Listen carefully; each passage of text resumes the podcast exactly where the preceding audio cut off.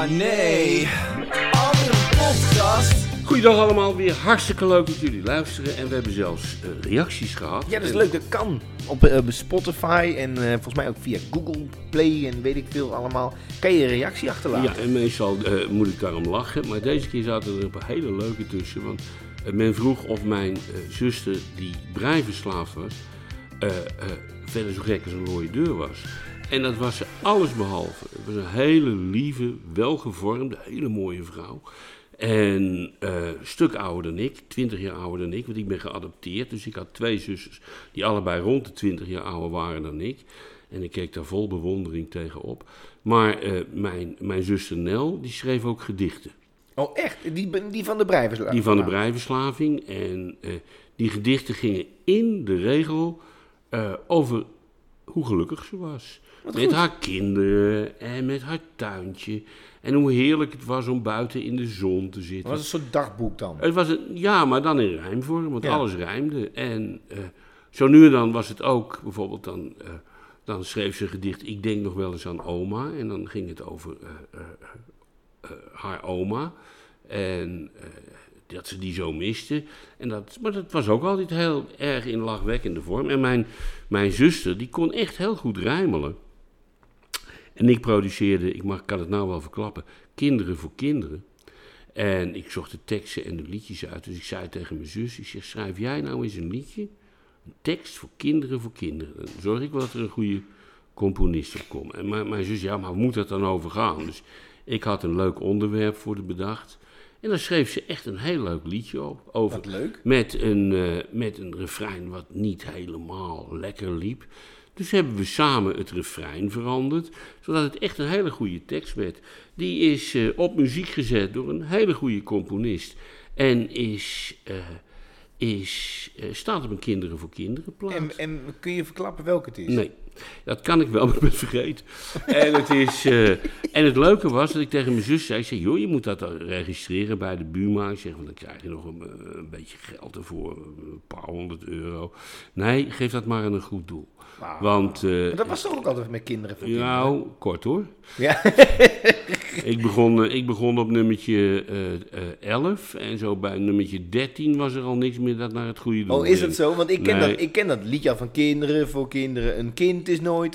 Hoe ging dat themaliedje ook alweer? Eh, een kind van rond uh, Evenaar, ja, ja. Dat vond ik altijd Eh, heel... Die heeft het altijd zwaar of zoiets. Ja, het was- nou, en dat, dat is later veranderd, hè? Is dat zo? Ja, want d- daarmee, dat In Amerika heb je ook een evenaar natuurlijk. Ja, nou ja, en dat, dat, dat suggereert dan toch een beetje dat eh, zwarte kinderen...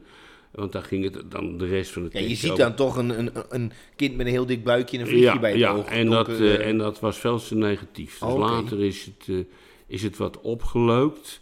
In de tijd dat alles positief moest zijn. En toen had zo'n kind het rond de evenaar het helemaal niet zwaar meer. Ze, nog steeds als, ze sterven er nog steeds als vliegen. Hè? Maar goed, eh, dat was dan positief. Maar goed, dat was dus mijn, mijn zuster, eh, mijn zuster Nel. Toen zei ik later tegen de twee, drie jaar later... zei, heb je geen zin om... eh, om nog eens een. Nee, nee, nee, ik wil het nooit meer doen. Ik vond het zo'n opgave. Het is, ik schrijf dat allemaal voor mezelf. Het is later gebundeld in twee familieboeken. Want Oh, ze schreef, ja, ja, ja, ja. En eh, door haar kinderen. En eh, Nel 1 en Nel 2. En eh, nee, nee, nee. Dan wordt het ineens zo. Dan wordt ja, het werk. Dan wordt het werk en dan wordt het commercieel. En weet je, het was hartstikke leuk om te doen. En ik ben er apen trots op. Maar ik schrijf toch liever gewoon bijvoorbeeld over Pluisje. En Pluisje was dan de kat. en, eh, dus kwam er een gedicht over Pluisje. En, eh, en eerlijk is eerlijk, het waren, kijk, het waren geen, laat ik, laat ik het zo zeggen. Het was geen reven. Het was geen reven, maar het was leuk om te lezen. En aangenaam om te lezen. En met heel veel liefde geschreven.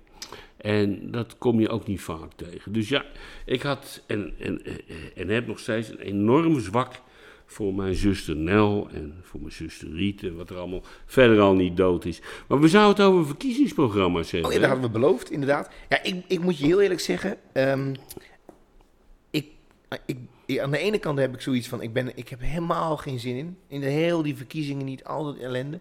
En aan de andere kant ben ik dus heel blij dat er dus nu een partij is waar ik gewoon van weet: daar ga ik op stemmen. En dat is? Pieter Omtzigt. Ja, ja, kan ik me heel goed voorstellen. Alleen, het probleem is eh, dat die misschien niet in het hele land verkiesbaar is straks. Nou ja, dat weet je niet. Het is, Ik eh, hoop dat hij... Maar ik ben wel weer, ook wel weer bang dat hij zo populair wordt dat je die LPF-praktijk krijgt. Nee, nee, nee, want hij is ietsje slimmer. Kijk, de LPF, dat is een lang en ingewikkeld verhaal, maar eh, de LPF was een afvalpartij.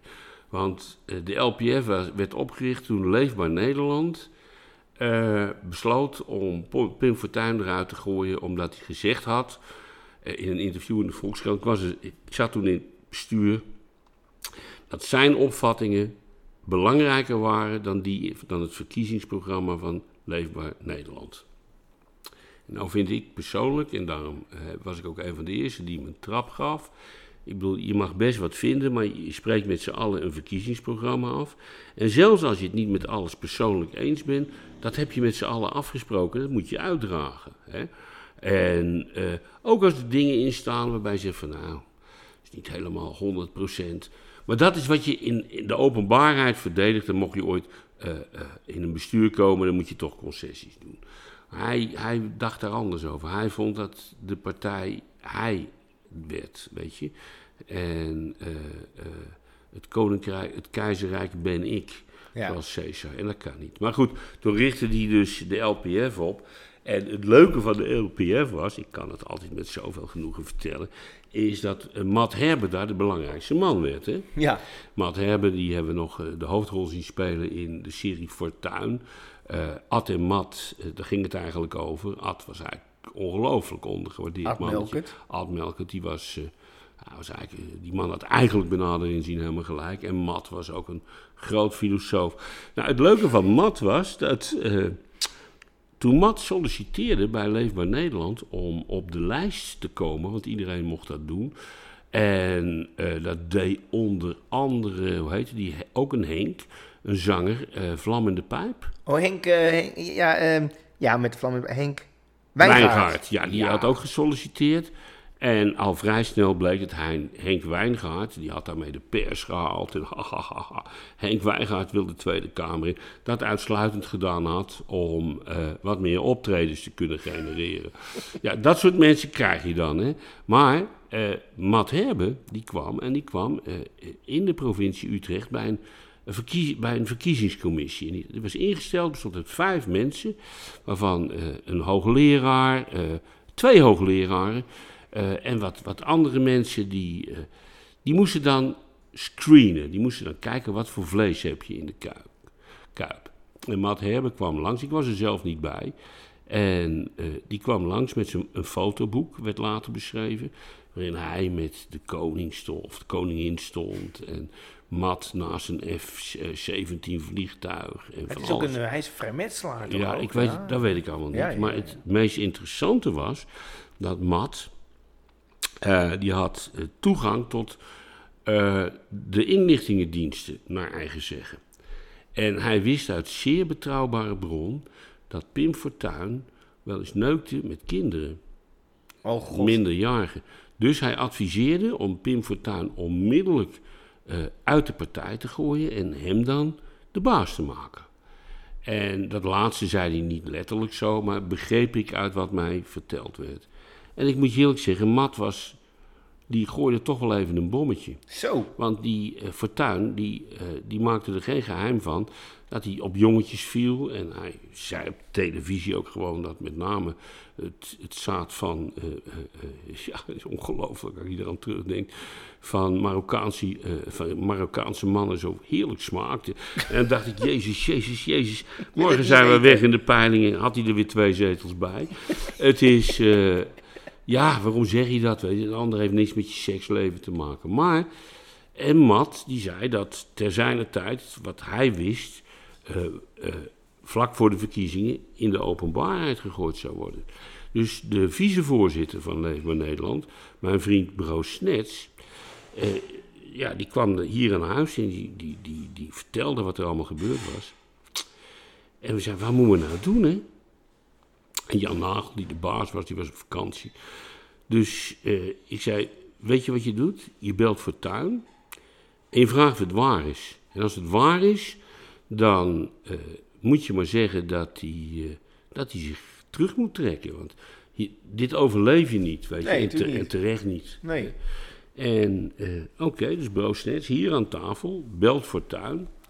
En ja, ik kon niet meeluisteren, want hij stond niet op luidspreker.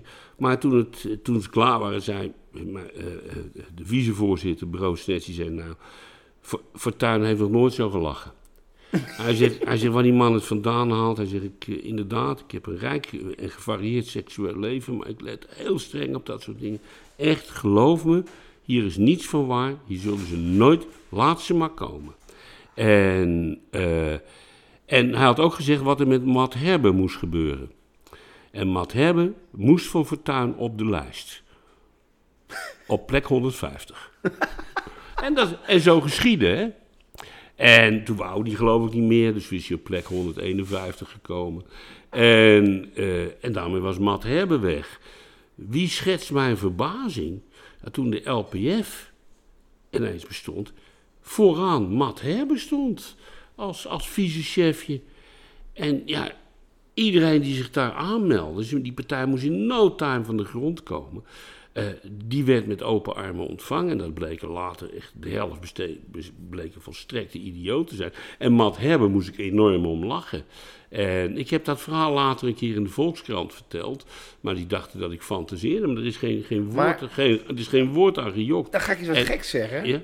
Dan zou je toch bijna zeggen dat... Ik, ik zeg altijd als, als mensen in één keer om een hoge functie komen... Zeggen, wat weet diegene van die persoon? Denk je dan niet van... hij- Nee, want, nee, want Fortuyn die, die bemoeit Nee, zich daar niet nee mee. maar dan ga je toch bijna denken dan? Nee, want ik, ik zei, ik zei eh, eh, Waarom... Fortuyn, waar ik altijd, eh, ja, ik, ik, ik vond hem in het begin heel aardig, maar hij werd steeds meer een popster, weet je. Wat het, eh, hij Ja. begon steeds meer te geloven in wat hij, in, in, in zijn eigen genialiteit, gevoed door het feit dat hij wel eens een strontaart in zijn gezicht kreeg.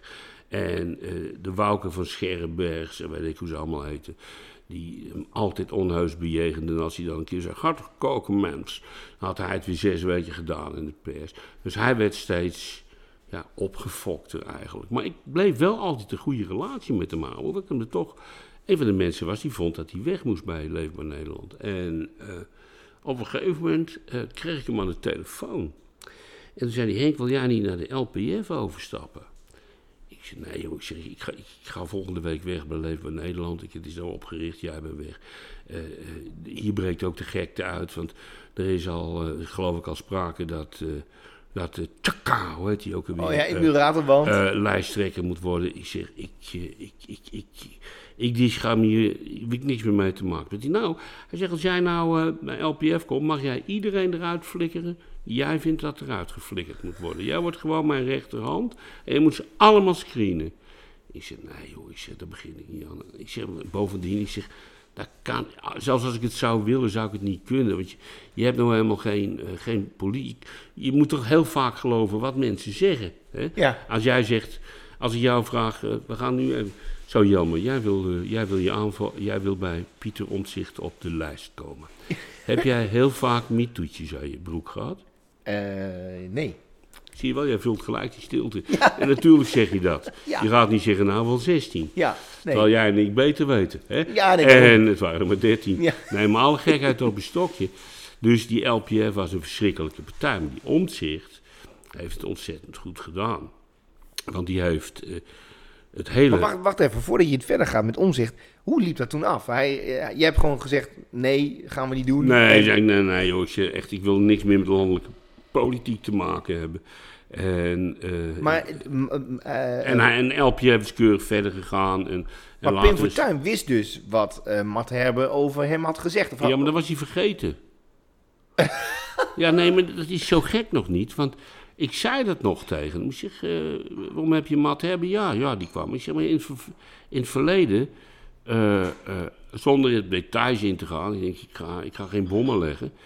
Eh, eh, eh, was je niet zo... Matt hebben? Ik, ik heb nooit die man... nooit- Maar let wel, er was elke dag al wat aan de hand. Hè? Ja. In zo'n verkiezingsprogramma. Elke dag zijn er mensen die wat over je zeggen, die wat van je vinden, die wat van je willen. En daar reageer je op. En vaak ben je het vergeten na een paar dagen. Net als ik kom als ik nog eens optreed met de Nederpop Alsa's, kom ik altijd mensen tegen. Zeggen, nou, weet je nog, we hebben 17 jaar geleden op Ja. het, het, podium op het grote plein hier, samen op de foto, toen heb jij opgetreden. En toen heb jij nog een plaat eh, voor mij gesigneerd. Ja, nee, En dat- geen idee wie nee, dat snap was. ik. Maar als iemand mij zou beschuldigen van pedofilie, dan zou ik dat Nou, nooit maar dat, vergeten. maar, dat, maar, nou, maar dat, maar dat, gebeurde, dat soort dingen gebeurden aan de lopende band. Kijk, Omtzigt wordt constant eigenlijk beschuldigd van het feit dat hij mild krankzinnig is. Ja, ja, ja. ja. Ik bedoel, eh, let wel. eh, ik ben een groot... eh, het is toch altijd zo, D66, eh, wie, wie deed dat nog meer? Zelfs de P van de A deed dat toch een beetje... Ja, man is wel een hele goede, heel goed Kamerlid, maar... Ja, Maar, eh, maar, en dat maar is eigenlijk een soort dus, hè? ja. Dus, dus, als je nou zegt, maar niet automatisch geschikt als partijleider, is dat natuurlijk zo. Dat weet je niet totdat iemand het geweest is. Nee, dan wordt natuurlijk als Eh, geschermd dat hij een burn-out had gehad. maar, en hij maar, zou maar vertrekken. iedereen, hè, en, en D66 en het CDA en noem al dat soort, en de VVD, maar ook Maarten van Rossum, ja, groot man, maar of hij nou zo geschikt is als partijleider. En dat maar,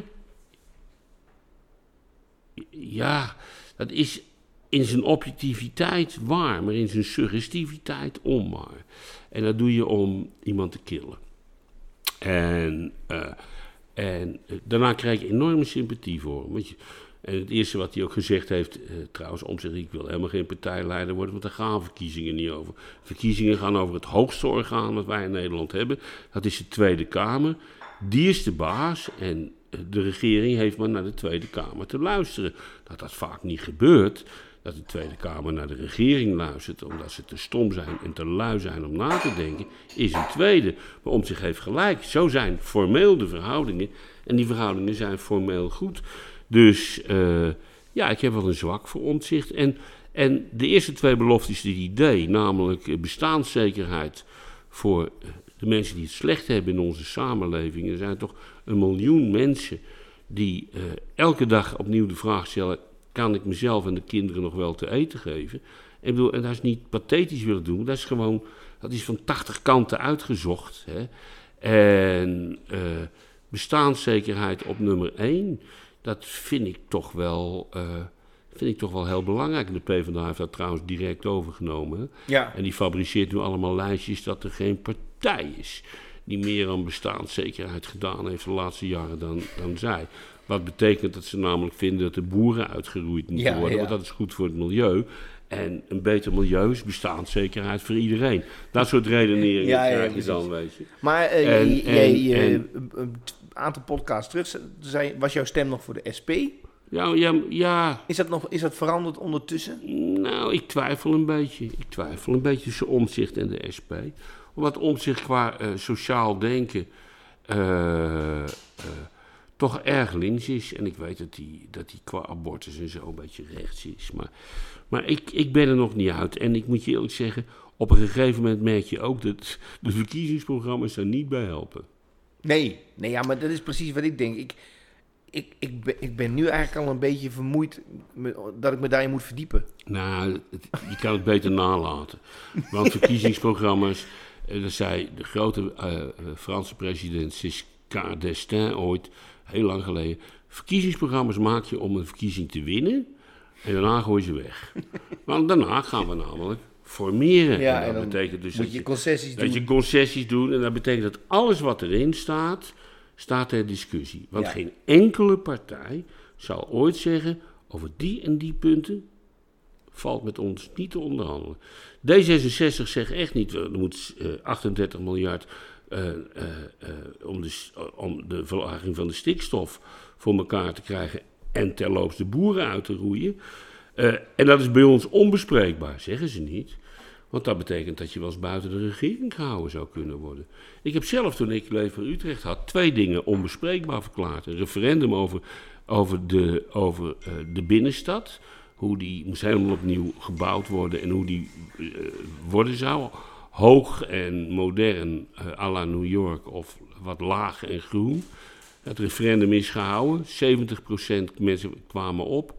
eh, het zou laag en groen worden en het is hoog geworden. Ja. Want er heeft niemand zich aan de uitslag gehouden. Dat is, Ja. dus, dat is ook wel erg ontmoedigend.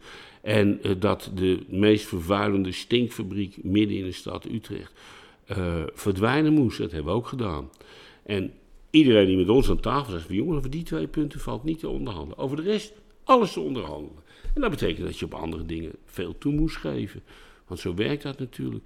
Maar je denkt toch niet, om maar eens één puntje te noemen, wat ik echt het toppunt van, van, van loze beloftes vind, die van groen-rood over het uitrollen in Nederland van eh, macrobiotische restaurants waar je tegen snackbarprijzen gezond biologisch kan eten. Moet je voorstellen dat er in Nederland staatsrestaurants komen waar je een, eh, een halve biologische kip plus een eh, biologische salade met wat biologische groenten en biologische patat, biologische appelmoes en een eh, biologische mayonaise erbij kunt krijgen voor wat eh kippentat en appelmoes hier bij de snackbar kost. En ik meen dat dat 11,30 euro is. Ja, ja, dat- geloof natuurlijk gaat dat niet gebeuren. Nee. Dat is, Maar eh, wordt- eh, wordt- maar dat, dat beloof je dus. Ja. En er zijn altijd mensen, ja, te gek zeg, we krijgen nu straks een lekker biologisch restaurant. Kunnen we heel gezond eten voor heel weinig geld. Ik ga op groen-rood stemmen. Nou, doe het nou niet om die reden, want dit is gewoon... Ja, je moet 40 pagina's vullen, dus dit soort dingen ga je er gewoon bij schrijven, weet je. En, en het is eigenlijk ook een... een en, en vooral dit soort eh, dingen, je komt ze bij alle partijen tegen... is een enorme onderschatting van het denkvermogen van mensen die wel een partijprogramma lezen. Want iedereen met 2 gram gezond verstand weet dat dit luchtfietserij is. Ja. We gaan er geen miljarden uitgeven om panden op te kopen of duur te huren in heel het land en in elke wijk in, van elke grote stad. Om daar restaurants te gaan vestigen. Het inrichten van een restaurant kost, kost nou 2, 3 ton. En dan moet je nog koks inhuren en dan moet je een in- inkoop en bediening. En als je dan helemaal klaar bent, mag je voor 11 euro 40 een biologische biefstuk eh, van 150 gram. Eh, dat komt. bedoel, Volstrekte luchtvisserij. Eh, dat moest ik even kwijt. Dus dat soort beloftes. en dan zitten die verkiezingsprogramma's vol mee. Allemaal. Ja. Ik, weet niet, ik weet uit mijn blote hoofd niet meer wat. wat En maar doe jij wel een kieswijze dan? Nee, nooit. Nee, dat vind ik ook. Wat ik zo irritant vind van die kieswijzes, dat ze dan ehm, eh, die vraagstelling. Ja, ja, Daar staat er namelijk bijvoorbeeld, eh, ik, ik ben niet zo'n fan van die windmolens. Vind ik gewoon. Ja. eh, maar dan staat er niet, zou je windmolens willen? Maar dan staat er bijvoorbeeld, wil je dat de natuur kapot gaat? Weet ja, je wel? Of, of, of, of nog bij, wil je dat de natuur beschermd wordt? Ja, dan denk je, ja, wil, tuurlijk natuurlijk- wil je wil dat. dat. Ja. En, en, dan staat dus- eronder, wilt u dus eh, veel windmolens, zonnepanelen? Of zegt u, nee, doe maar kolencentrales. Ja, Snap je? maar de, En- en de het is- vraagstelling is natuurlijk totaal... ja, ja, en het is ook gemaakt door een steltje journalisten die allemaal de neiging hebben om wat zij belangrijk vinden daarin te stoppen. Dus je moet nooit van zijn leven kieswijzer invullen. Het is volstrekte onzin. Ja, en ik kom ook En je, komt ook, je verandert één ding en je komt bij een andere partij uit. hè? Ja, ja, ja, ik kom eh, in, in één keer bij Jezus Leeft uit. Of, Echt eh, waar? nou, dit was de laatste keer, kwam ik uit bij Jezus Leeft. Of, eh, Ja, vooral, ja, vooral omdat je zo religieus ja, ik ben enorm religieus. Ik denk dat dat het is, ja. Dus dan, of dan Ja, kom ik bij een het- andere vage partij uit. Het is toch. Kijk, en, ze, en iedereen. Vroeger beloofde elke partij die beloofde loonsverhoging en belastingverlaging. Snap je? ja, En, eh, eh, en, ze, en ze beloven ook altijd dingen waarvan je van tevoren weet, dat gaan ze niet waarmaken. Ze beloven allemaal. ik zit nog steeds op de minder- 1000 euro van eh, Rutte te wachten. Ja, ze beloven allemaal dat er minder externe adviseurs aangesteld zullen worden. Nou, het is nog nooit gebeurd. En sterker nog, heb ik je, heb ik je wel eens verteld eh, hoe het Utrechtse cultuurbeleid... Ja, dankzij, zeker. eh, externe adviseurs, hebben we het daarover Ja, gehad? daar hebben we het over gehad, met Meili Vos. Met, ja, maar die is nu veranderd. Die is, eh, die is ingewisseld, hè. Voor, voor, voor f- f- de heer Tabarki. Farid Tabarki.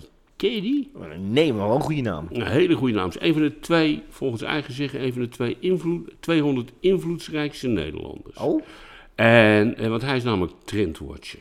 oh. En hij heeft een eh, bedrijf, dat heet Zeitgeist. Is Oh, een heel enge naam. Dat klinkt ja. Ja, dat En- klinkt als een, eh, zo'n film, eh, Ja. zo'n kunstzinnige film waar... Eh, Zeitgeist. ja, we hebben het over de vermoord. tijdgeest. En de tijd heeft geen geest, zei Willem Frederik Hermans al. De tijd schrijdt voort en dat is dat. En in de tijd veranderen dingen, maar er is niet een geest van de tijd. Dus alleen die naam is al totaal krankzinnig. En die man is een hele beroemde trendwatcher. En weet je hoe die dat doet? Door eh, natte vingerwerk. Ik weet even een betekenisvolle stilte vallen. Nee. Hij is daarom zo'n geniale trendwatcher.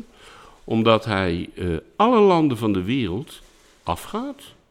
Daar met mensen praat. Zodat hij een beeld krijgt wat de wereldwijde trends zijn. Stel je voor je gaat naar de Seychelles. Dan kan je niks anders doen dan daar op het strand liggen. Want meer is er niet. En aan de ober vragen. Wat, hoe, is het, hoe staat het er hier met de, met de zee voor? Is die nog Ja. lekker warm? En stel je gaat naar Rusland, denk je dat je Poetin te spreken krijgt. Ik bedoel, in het beste geval kom je daar in een hotel een, een leuke juffrouw tegen. Dan Dus- denk je uiteindelijk hij- dat, het, dat het trend is dat er hier veel meer wodka gedronken gaat ja, worden. nee, maar weet je, het idee dat je dus alle landen... Hij wil alle landen van de wereld langs gaan. Hij, hij zit al echt, het is geen grapje, zoek maar op. Eh Farid Tabarki, hij zit al op ruim de En wie 150. betaalt hem dan? Eh, ja, hij geeft daar lezingen over. Oh ja. En dan wordt hij ingehuurd voor 4000 euro, onder andere door DSM en door verschillende banken. Die hebben dan zo'n zo'n zo'n aandeelhoudersvergadering. En eh, die, willen dan, die willen dan een spreker hebben. En dan komt Farid Tabarki uitleggen wat de trends in de wereld zijn. En weet je wat zijn belangrijkste conclusie is? Nou? Alles wordt vloeibaar. Want denk jij, wat is dat? Dat heb ik ook even. Dat is een betekenisvolle uit- stilte van ja, mij. Ja, dat heb ik even uitgezocht. Ja, je lacht je kapot. Dat vaste vormen en structuren die verdwijnen. eh, dat, dat zongen de socialisten vroeger al, hè? eh, die verdwijnen en dat, dat, die worden allemaal vloeibaar. Die kunnen zomaar veranderen. Wat natuurlijk volstrekte onzin is. Want als er nou één ding de trend in de hele wereld is, en met name in Europa, is dat er steeds meer regels en voorschriften komen. Niks vloeibare structuren, nee, vaste regels. En die worden steeds, als je tegenwoordig boer bent, dan moet je een adviseur gebruiken Ja, om in te kunnen vullen doen. eh, wat je bij het boeren doet. Hè, wat je bij het boeren doet, hè, dat is, Dus administratief. eh dat is administratief. Een, een, een, dat kunnen ze al zelf niet Nee. meer. Ze moeten ze mensen voor inhuren. Dus die regels worden steeds maar uitgebreid. En, eh, maar volgens hem is dat niet zo. Wordt alles vloeibaar. Nee, dan moet jij. Moet jij Maar het, het, het mooie van dit is ook, je kan het niet controleren. nee, natuurlijk. Want op het moment dat zijn zogenaamde voorspelling eh, zover is, dan is en de helft alweer vergeten, of eigenlijk iedereen. En eh, nou ja, dan kan je zeggen, nou, het is toch anders gegaan. Ja. Maar je kunt als Tarek t- eh, Farid Tabarki, dus eh, hij was eh, van de week, was hij, vorige week was, zat hij nog eh, bij WNL op zondag, zat hij met zijn een beetje glad hoofd, zat hij daar nog allerlei wijsheden te verkondigen die echt nergens op sloegen. En hij mag wel eens, zelfs in het Financieel Dagblad, heb ik, ben ik hem tegengekomen. Wat publiceert die man? En heeft hij dan een paar stukjes ingeschreven. Nou, als een tweedejaars scholier op de middelbare school het als opstel zou inleveren, zou die onmiddellijk verwijderd worden. Maar ik, ik heb het idee, want je hebt heel veel van dit soort types, eh, dat die, me- die, zouden die mensen zichzelf geloven? Die, gelo- nou, die geloven er niet in, die hebben een verdienmodel gevonden. Ja. Maar Zoals elke coach een verdienmodel Ja, gevonden maar ik, is. ik denk wel eens dat, het, dat, dat zij... wij zouden dat nooit doen, omdat jij en ik allebei al denken, ja, dit is allemaal bullshit. Ja, maar wij hebben ook iets wat je met een heel ouderwets gevoel, het woord eergevoel zou kunnen noemen. je wilt toch op een fatsoenlijke manier je brood verdienen. Ja. Je wil mensen niet belazeren. En dit soort jongens, wat let wel, 4000 euro voor een lezingje. hè? Oplichting. En eh, die, eh, die Tabarki is dus, die heeft, eh die heeft eh, Meili Vos, want dat was jouw vraag, vervangen als voorzitter van de, van, van de, van de, van de 23, 25 experts die het cultuurbeleid moeten vaststellen voor Utrecht. En die alle 25 zo onbekwaam zijn dat ze er twee adviesbureaus bij hebben moeten inhuren. En dan zit je bij die man zijn site te kijken. Nou, of het nou over artificial intelligence of over eh, ja, eh, regeringsvormen. Je kan bij hem over alles een lezing krijgen, maar niet over cultuur. Daar heeft hij totaal geen verstand van. Dus hebben ze hem genomen. Dus ja, dat is vriendjespolitiek. Dat is het gunnen, het gunnen van een goed betaalde functie. Waarvoor je op het moment dat je hem iemand gunt, al weet dat hij daar totaal incompetent in is. En als ze mij, ze hebben mij wel eens gevraagd, hey, dat gebeurt hè, televisieprogramma's, Henk, wil jij een, een orkest dirigeren? Ik zeg, in duizend jaar. Ja, maar waarom niet? Want die doet het en die doet het. Nou, omdat ik het niet kan. En heel gek, maar voordat je een goede dirigent bent, moet je een jaartje of zes opleiding hebben. Moet je een magnifiek gevoel voor, eh, voor, voor, voor ritme en klankkleur hebben. En moet je de meest gecompliceerde partituren kunnen lezen. Ik zeg, laat ik nou alles niet kunnen. ik zeg, dus dan ga ik voor zo'n orkest staan en dan ga ik een beetje te zwaaien. En dan zeggen jullie na afloop dat ik het hartstikke goed deed, want dat is namelijk onderdeel. Ik zeg, en dan doen we een stukje muziek wat dat orkest blindelings kan spelen. En die kijken niet naar mij. En jullie hebben een leuk programma en ik... En in de reacties zal zijn, nou die Henk kan ook al een orkest dirigeren. Maar dat is natuurlijk helemaal niet zo. Dus dat moet je niet willen. Een maestro. En dan zeggen ze ja, ja, En dan zeggen ze ja, maar je krijgt er een paar duizend euro voor. Nou, en ik- voor sommige mensen. Ik was er dat- gelijk voor gaan staan. Snap je? Ja, 100%. En, en, en, en Tabarki, die zou, die zou gelijk gezegd hebben, kan ik het niet twee keer doen. Ja, Want zo zitten die jongens in elkaar. maar dat je. is dan nog tv, weet je wel. Ja, ja. En dat, dat, dat betaalt zich vaak nog wel terug met, met commercieel geld. Nou ja, dat is bij de publiek, hè, dus dat is ook niet waar. Maar in ieder geval zo'n zo'n zo'n zo'n man... Ja, wat levert het uiteindelijk op? De, ma- Ik- ik de maatschappij? Helemaal niks. Nee. Die, die mensen die hebben geen enkele functie. Nee. Het enige wat die man doet, en hij is, hij is ook heel erg begaan met het klimaat. En daarom stapt hij steeds het vliegtuig in om naar weer een ander die- land te gaan. Ja, ja, ja. Alleen maar om het lijstje af te kunnen vinken. Hè. Een to-do-lijstje, zal ik maar zeggen. En als je nou, nog, als je nou zegt, joh, ik ga lekker volgende week naar Japan. Ik wil altijd eens een keer kennis maken met de Japanse cultuur. En echt goede sushi eten. Maar nee, hij gaat daarheen om, eh, om met mensen te praten. Hij kan namelijk ook Japans. en eh, let wel, als jij naar Oezbezi- ja, Oezbezistan gaat, is er Oezbekistan. Oezbekistan. Jezus Christus, dat is, dat is zo'n... eh, Nou, wie- als je naar Oezbekistan gaat, dan mag je er niet op hopen dat eh, je mensen tegenkomt, toevallig, de, degene die je koffers draagt, die erg goed Engels kan en ook zich erg verdiept heeft in de organisatiestructuur van dat land. Dat is gewoon niet zo. De meeste mensen die je toevallig tegenkomt, die, die, die beheersen een vak eh, of een vaardigheid. En daar hebben ze verstand van. En die hebben dan over bepaalde dingen best een mening. Maar over heel veel dingen ook niet, omdat ze er totaal geen, geen kijk op hebben. En meestal geven ze dat ook toe. Maar dat soort types, die geven niks toe. Die zijn namelijk, eh, die zijn namelijk geniaal. En ze worden rijk en ze kunnen niks. Ergens natuurlijk wel heel knap. Ergens zou je voor dat soort mensen respect moeten hebben. Waren het niet dat ik weinig respect op kan brengen voor totale charlatans. Weet je, mensen die aan gebedsgenezing doen, daar geloof ik ook niet in. Ik heb zelf ooit een programma gemaakt over iemand die aan gebedsgenezing deed. En die mocht mij genezen van twee kwaaltjes. En normaal deed ik altijd hele liefdevolle, voor RTV Utrecht, hele liefdevolle interview. Vertel me wat je aan het doen bent, waarom doe je het? Eh, eh, wat is de reden waarom je het doet? Waar wil je heen? Maar ik vond dit zo'n verschrikkelijke charlatan. Ik denk, ik maak er nou eens een hartinterview van.